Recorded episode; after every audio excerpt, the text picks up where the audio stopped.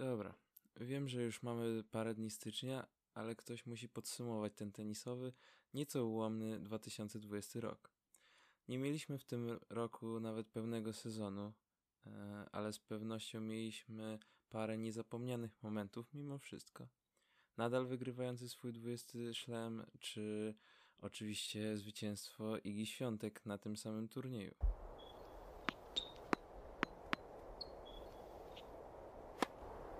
Witajcie w pierwszym e, odcinku, słuchowisku e, podcastu tenisowego, w którym będę sobie tak na luzie gadał o różnych e, wszelakich zagadnieniach tenisowych. Mam nadzieję, że Wam się spodoba, a tymczasem możemy już przejść do samego podsumowania tego 2020 roku. Ale zacząłbym nieco od końca, czyli od turnieju e, ATP Masters który nie ukrywam był dla mnie małą niespodzianką, jeśli chodzi przede wszystkim o Daniła Miedwiediewa mm, jako triumfatora, mm, lecz nie skłamię, jeśli powiem, że i tak najmocniej z tego turnieju zapamiętam mecz Rafy z teamem, który był absolutnie magiczny i właśnie na niego głosowałem jako mecz sezonu. Wiem, że teraz pewnie mnie pociśniecie, że jak to, że tradycja, co ty gadasz, ale nie ukrywam, że turniej Masters nigdy nie był dla mnie e, turniejem, na który zacieram ręce już od wakacji. Mm, zawsze mi się on jakoś tak kojarzył bardziej jako turniej, żeby zagrali ci tylko najlepsi, zarobili trochę grosza, trochę dużego grosza oczywiście i zakończyli sezon w wielkim stylu. W tym roku tak nie było. Nie wiem czemu, może zawodnicy byli bardziej wypoczęci niż zwykle, bo przecież normalnie na tym turnieju zawodnicy już tylko marzą o wakacjach. A dzięki lockdownowi, szczególnie to starsze pokolenie jak Nadal czy Joko, wydawali się być znacznie młodsi niż normalnie, by byli o tej porze roku. E, to tak na marginesie chciałem tylko powiedzieć, ale wracajmy do początku roku. Wracajmy. Tak naprawdę przejdźmy dopiero do początku roku. Zacząłem od końca jak Hitchcock. Nieważne. Australian Open. Uhu! Normalny, na standardowych warunkach wielkoszlemowy turniej. Kto by pomyślał, że później nas spotka jedna wielka tenisowa dziura. I wiecie co? Przez tę dziurę okazało się, że Federer, że Federer ominął niemalże cały sezon. I co z tego, jeśli zagrał w tym turnieju jeden z lepszych meczów w sezonie z panem tenisem, w ćwierćfinale. E, ten mecz był jednym wielkim rollercoasterem, który mógł sprawić, że nikomu nieznany Amerykanin zagrałby w półfinale Wielkiego Szlema z Djokovicem. I chyba to jest to, za co kochamy tenis, prawda? Co prawda Roger, szczególnie w czwartym secie, w tiebreaku, pokazał swój spokój i swoją klasę, E, czym samym e, wygrał ten mecz bodajże w pięciu setach. Tak, na pewno w pięciu setach. Ale zdecydowanie był już za bardzo wypompowany, e, żeby nawiązać jakąkolwiek rywalizację z Serbem na późniejszym etapie. Joko pokonał go grając na maks 50% swoich możliwości, niestety. Generalnie to spotkanie było stosunkowo zacięte, ale no zdecydowanie więcej bym się spodziewał po tym meczu. Ale tak jak mówię, no Roger ma już 39 e, lat na karku, więc e, chyba już niestety nie możemy wymagać od niego, żeby potrafił grać 5 godzin meczu, za dwa dni grać 4 godzin meczu i wygrywać tak turniej na przestrzeni dwóch tygodni. No niestety nikt z nas nie będzie młodniał z biegiem czasu. Taka przykra rozkmina. Ale wiecie co? Mm, mam ogromną nadzieję i chcę w to wierzyć, że zobaczymy Federera wygrywającego szlema w wieku 40 lat. Może jestem naiwny, ale ile razy on już nas zaskakiwał. Był chociażby tak straszliwie blisko, żeby w 2019 pokonać Dżokowicza w finale Wimbledonu fantastyczne spotkanie i naprawdę zabrakło tam dwóch piłek. A wtedy osobiście zdawało mi się, że stać go na maks ćwierćfinały czy półfinały w wielkich szlemach. trzeba pamiętać, że gdy mieliśmy czasy świetności Wielkiej Trójki, mm, to wtem trzeba było pokonać jednego z dwóch zazwyczaj, e, żeby wygrać ten turniej. Wielkoszlemowy oczywiście. A teraz niestety dla takiego Federera to już wydaje mi się będzie kwestia pokonania trzech czy czterech naprawdę wymagających oponentów, nawet na tych niższych szczeblach turnieju, jak chociażby Kyrgios, czy nie wiem, Bautista Good po pięciu setach. Mm, więc wydaje mi się, że dla Federera w tym roku będzie kluczowa swego rodzaju, jakby to nazwać, regeneracja organizmu. Bo to, że potrafi zaskoczyć każdego, gdy nie ma na nim specjalnej presji, pokazałby, pokazał chociażby e, w sezonie 2017, czy nawet we wspomnianym już wcześniej e, tym finale z Djokovicem w 2019 roku. No, Ameryki nie odkryje, e, mówiąc e, o tym, że Roger już będzie grał znacznie mniej i prawdopodobnie może nie tyle co słabiej, bo teraz pewnie wszyscy mnie zjedzą, mm, ale no już nie na takich samych obrotach, jak to było, nie wiem, chociażby 3 lata temu czy 5 lat temu. No to jest logiczne. E, czas ciągle płynie, Roger nie staje się młodszy. Mm, I wydaje mi się, że Szwajcar w tym sezonie będzie musiał jeszcze bardziej e, podkręcić tempo swojej gry, e, tak aby jego mecze trwały stosunkowo jak najkrócej. Mm, teraz sobie tak myślę, mm, że, e, że w sumie Roger już odwołał swój występ w Australii. Mm, nie jestem pewien, czy zagra w Paryżu. A co by było, gdyby E, Roger nie zagrał żadnego turnieju, tak nic a nic, tylko nieustannie trenował na trawie. Zagrał jakiś jeden mały turniej w Queens czy gdzieś e, przed, przed Wimbledonem i potem zwyciężył na Wimbledonie. To by było coś. To by była naprawdę wielka historia i pokazanie klasy Federera, że on tak naprawdę nie musi grać, e, żeby być wielki i, i no prawdopodobnie kończyć karierę w wielkim stylu, no bo domyślam się, że jeśli to nie nastąpi w tym sezonie, to następny będzie taką zapowiedzią um, ogłoszoną e, niczym Dwayne Wade, który kończył karierę w NBA i z każdym po, po meczu wymieniał się koszulkami i, i, i, podpis, i dostawał od nich podpisy, to tak Federer myślę e, na, w podobny sposób może zakończyć swoją karierę, że po prostu ogłosi, że to jest jego ostatni sezon, zagra w paru turniejach, dla który, e, które są dla niego ważne i będzie taka jakby no celebracja jego, jego bóstwa, jego kariery. Wiem, że jestem marzycielem, ale marzyć mi nikt nie zabroni, więc trzymam za Federera kciuki na Wimbledonie. Niech wygrywa i niech będzie e, przyjemnie. Mm. O Federerze póki co tyle. E, chciałbym teraz e, nieco wspomnieć o zawodniku, który chyba wywarł na mnie w tym roku największe wrażenie, jeśli chodzi o sam styl i taką jakby prezencję na korcie. Mm, mam na myśli tutaj Rublewa, e, rosyjskiego tenisistę. Odniosłem wrażenie, że jego kontuzja pleców E, sprawiła, że niemalże każdy o nim nieco zapomniał. E, a on ciągle był w tej stawce z całą ekipą. E, I no, jak wiemy, każda kontuzja dla sportowca jest sporym wyzwaniem i, i często dramatem. Ale dzięki niej Rublew wygląda na zawodnika, który bardziej cieszy się grą, znacznie ciężej pracuje. To jakby widać czy na jego social mediach, czy, czy później też w meczach na korcie, że jakby niesamowitą uwagę przykłada do e, pracy nad swoim ciałem. I Matko Boska, te top spiny. Naprawdę, jestem zachwycony jego top spinami i prawdopodobnie e, wiem, że jestem szalony, ale gdyby nie fakt, że jestem fanem mm, Rafy Nadala, to bym powiedział, że to są top 3 top spiny w turze. Możecie krzyczeć, możecie się zgadzać, nie zabronię.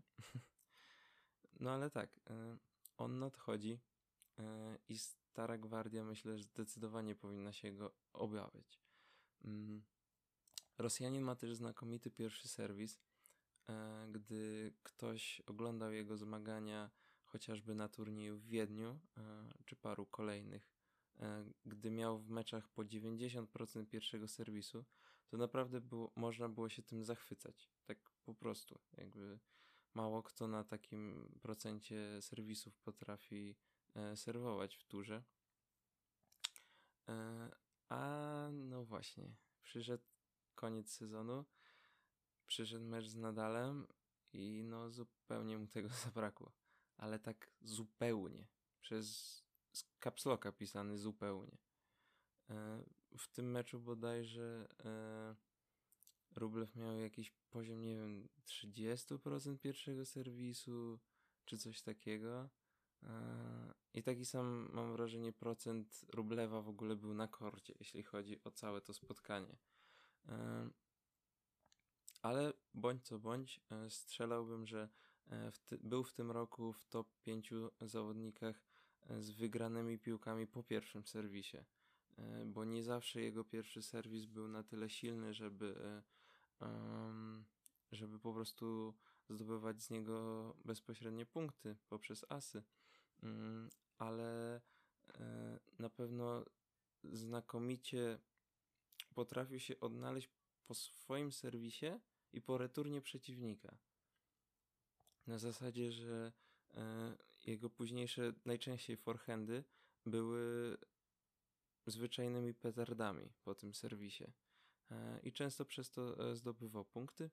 I tak sobie myślę, że w sumie możemy sprawdzić tę statystykę, bo nie ukrywam, że teraz mi to przyszło do głowy, a nie sprawdziłem jej przed e, nagraniem. No dobra.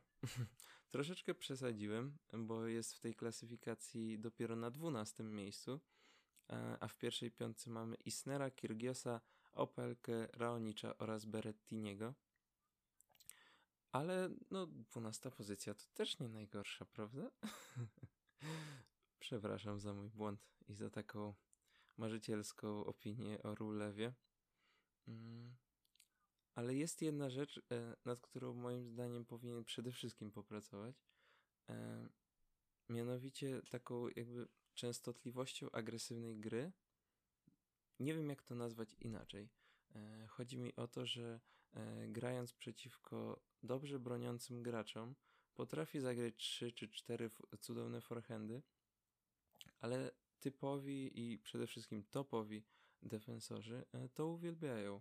I wtedy potrzeba kroków w przód, jak chociażby pójście do siatki, czy po prostu nie wyrzucania piłek przy tak agresywnej grze. Wiem, wiem, Łatwo to się mówi z pozycji fotela, mm, ale jestem przekonany, że taki talent jest w stanie to dopracować do perfekcji. Dobrze. Jest bardzo póki co spokojnie.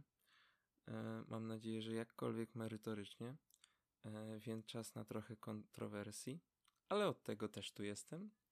E, mianowicie chciałbym się odnieść do tego, kto ewentualnie mógł ucierpieć najbardziej z zawodników na przerwie związanej e, z koronawirusem. Zastanawia się się, kto to mógł być. Czy to jakiś zawodnik, który był kontuzjowany? E, pewnie ktoś z dalszej części rankingu. Otóż nie, moi drodzy. Moim zdaniem mm, zawodnik numer jeden, Nowak Djokovic, najbardziej e, ucierpiał na przerwie mm, związanej z wirusem. Wiem, że to może brzmieć jak szaleństwo, bo przecież rozpoczął e, sezon na pierwszym miejscu, zakończył na pierwszym e, miejscu, więc czego ja się czepiam w ogóle? Ale nie wiem, czy pamiętacie takie odległe czasy jak rok temu i jak wtedy znakomicie Serb wyglądał. Przecież do Indian Wells bodajże jechał z bilansem 22 do 0, jeśli się nie mylę. Mm, a po, po przerwie wydaje mi się, że już nie był dokładnie tym samym Nowakiem. Oczywiście ciągle był świetny, ale chociażby w turnieju w Cincinnati nie grał swojej gry. Ale to też pokazuje jego potęgę. Joko mam wrażenie jest typem zawodnika, który gra swój najlepszy tenis, e, gdy rzeczywiście tego najbardziej potrzebuje. Jakkolwiek dziwacznie by to nie brzmiało. I nie chodzi mi tutaj, że e, Joko w drugiej części sezonu e, był bezradny i był słabym tenisistą. Absolutnie nic z tych rzeczy. Mm. Bardziej mi chodzi o to, że e, czy późniejszy finał Roland Garros z Nadalem, czy no oczywiście przypadkowa, bo przypadkowa, ale dyskwalifikacja na US Open, jakoś tak mam wrażenie pokazywały, że Joko chciałby już ten sezon skończyć. Przynajmniej ja odniosłem takie wrażenie, że trochę się męczył na tym korcie w, w niektórych momentach. A no właśnie, a propos US Open, mm, trzeba wspomnieć nieco o tym turnieju, także e, dwóch nowych finalistów, jeden z najbardziej nerwowych i porąbanych finałów, jakie kiedykolwiek widziałem. E, po półfinale z Wierywa e, byłem przekonany, że dobra, team wygrywa ten mecz z łatwością. No i myliłem się i to bardzo poważnie się myliłem. E, ale spokojnie, nie musimy się o nic martwić. To już się nie powtórzy, obiecuję. To był przeszalony mecz. Dobrze wiemy, że Zwieryw jest charakterny Niedawno wyszła informacja, że Dawid Ferrer już z nim nie współpracuje. Kolejny e, trener czy mentor, e, który stosunkowo szybko odchodzi e, z teamu e, Zwierewa.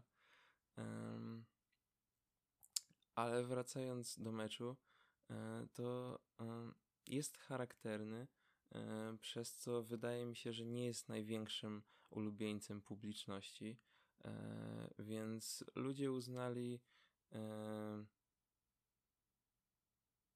więc ludzie uznali, ok, team, to jest twój czas, idź jak po swoje, wygraj i kończymy ten turniej. E, w międzyczasie e, Sasza uznał, że ok, jak nikt nie wierzy, że ja to mogę wygrać, to zagram najlepszy swój tenis i im wszystkim pokażę.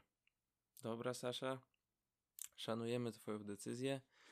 E, E, Niemiec ma dwa sety e, w kieszeni. No i co teraz? Czy, czy on naprawdę wygra wielkiego szlema? Tia.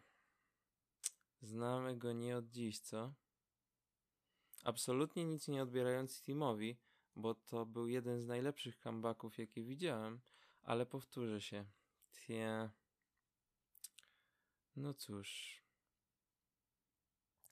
Wiem, że to tylko gdybanie na marginesie, ale patrząc na fakt, jak obaj byli zestresowani tym finałem, to moim zdaniem, gdyby nie hitowa dyskwalifikacja Nowaka, to Serb zgarnąłby ze spokojem e, finał e, i puchar w Stanach Zjednoczonych. To tak mi się wydaje, że stosunkowo dobrze grał, choć wiem, że przed chwilą powiedziałem, że słabiej niż na początku roku. No ale na pewno to nie, to nie była taka gra jak w Australii, gdzie był w finale z teamem. E, ale wydaje mi się, że, że tak, że jednak Serb by spokojnie sobie poradził czy z teamem, czy ze Zwieriewem. Chyba ze Zwieriewem by musiał grać, bo z teamem był w połówce drabinki, z tego co kojarzę. Nie sądziłem, że kiedykolwiek to powiem, ale po turnieju w Stanach wracamy na mączkę. Co? Jak to możliwe? A no tak to, bo Francuzi, jak to Francuzi, lubią robić rzeczy po swojemu i uznali, że nie ma takiej opcji, żeby odwołać Roland Garros. Więc zrobili, niema, więc zrobili go niemalże tuż po szlemie e, w Stanach. I muszę przyznać, że mocno sceptycznie podchodziłem do tej decyzji, ale po końcowych rezultatach byłem jej największym fanem. Jak prawdopodobnie cała Polska. Rafa i Iga. Iga i Rafa. Król i królowa paryskich kortów w 2020 roku. No dobra, król na tronie siedzi od dawna, ale w końcu sobie znalazł porządną królową, tak? ale po kolei. Nadal po raz, po raz kolejny już e, pokazał, że na mączce nie ma sobie równych. Nie stracił w tym turnieju nawet seta. Mm, I szczerze mówiąc, po finale spodziewałem się nieco więcej grozy i thrilleru, e, mimo że gra Dżokowicza była lepsza niż wynik w tym e, finale, to nie zmienia faktu, że jednak trochę zawiodłem się po tym spotkaniu. Hiszpan cudownie przeciwstawił się i czytał dropshoty Nowaka, e, co wydaje mi się było kluczem do zwycięstwa w tym meczu. Mm, I return. Return Nadala był niewiarygodny w tym meczu. E, I już nawet nie chodzi o stricte zagrania kończące po odbiorze, ale czytanie serwisu Serba. E, był Nowak po prostu czytany jak dobra E, książka.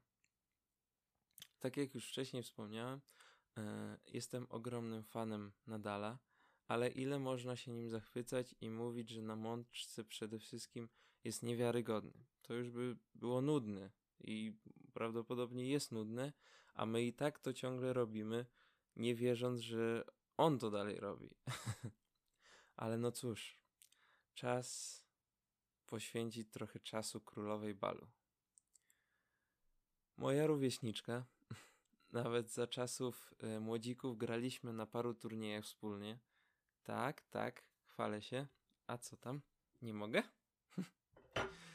Już abstrahując od tego, że jest Polką i prawdopodobnie cała społeczność tenisowa jest z niej mega dumna, to to, na jaki poziom tenisowy się wspięła w tym turnieju, to jest masakra. Mm, gra ona niezwykle agresywny tenis, E, ma do tego warunki, więc fantastycznie, że je wykorzystuje. Ten styl bardzo mi przypomina, powiedzmy, Azarenkę czy Szarapową za najlepszych lat. Wiem, wiem, nie podpalajmy, ale spokojnie. Ja mówię konkretnie o tym turnieju, gdzie naprawdę nie miała sobie równych. Wydawałoby się, że chociażby Simona Halep, która też lubi agresywną grę, będzie potrafiła się przeciwstawić. A tu proszę. 6-1, 6-2. 6-1, 6-2. Z większymi trudnościami z pewnością spotykała się w niejednym challengerze gdzieś na Bali czy gdzieś tam w Koziej Wólce. Niewątpliwie ogrom dała jej praca z panią psycholog y, Darią Abramowicz, mm, dzięki której y, Iga stała się E, przynajmniej na taką wygląda w moim mniemaniu, e, bardziej świadoma swojej gry, swoich możliwości mm, i takiego aroganckiego, ale w 100% pozytywnego przekonania, mm, że może wygrać z każdą zawodniczką na świecie.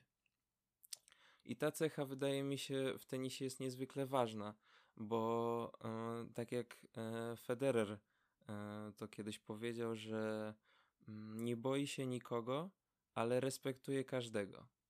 I coś w tym jest, że w tenisie no, nie można się bać swojego przeciwnika, no bo strach nas paraliżuje, no i potem wyrzucamy piłki i, i nie umiemy biegać.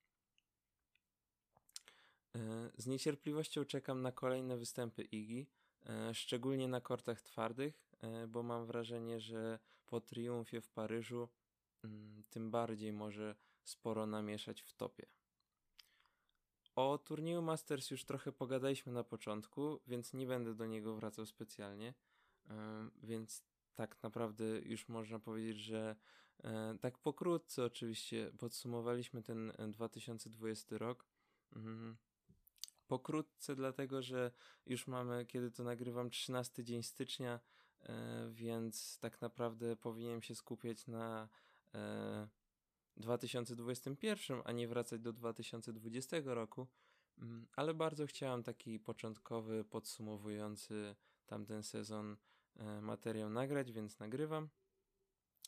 A tak jak mówię, 2021 już ruszył na dobre. E, Alex de Minor e, wygrał e, pierwszy turniej w tym roku, a chociażby Hubert Hurkacz jest w finale i właśnie dzisiaj gra o 21, jak to nagrywam, w finale turnieju w Delray Beach. Mm.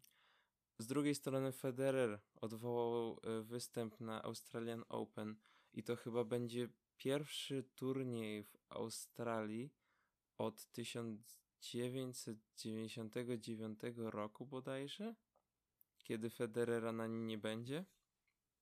Mam nadzieję, że teraz nie walną jakieś gafy, ale tak mi się coś kojarzy. E, więc ruszamy z kopyta, ale to bardzo dobrze. Będzie o czym e, gadać, rozmawiać, mm, plotkować e, w naszym tenisowym społeczeństwie. Game, set, match. Na dziś to tyle. Dzięki. Cześć.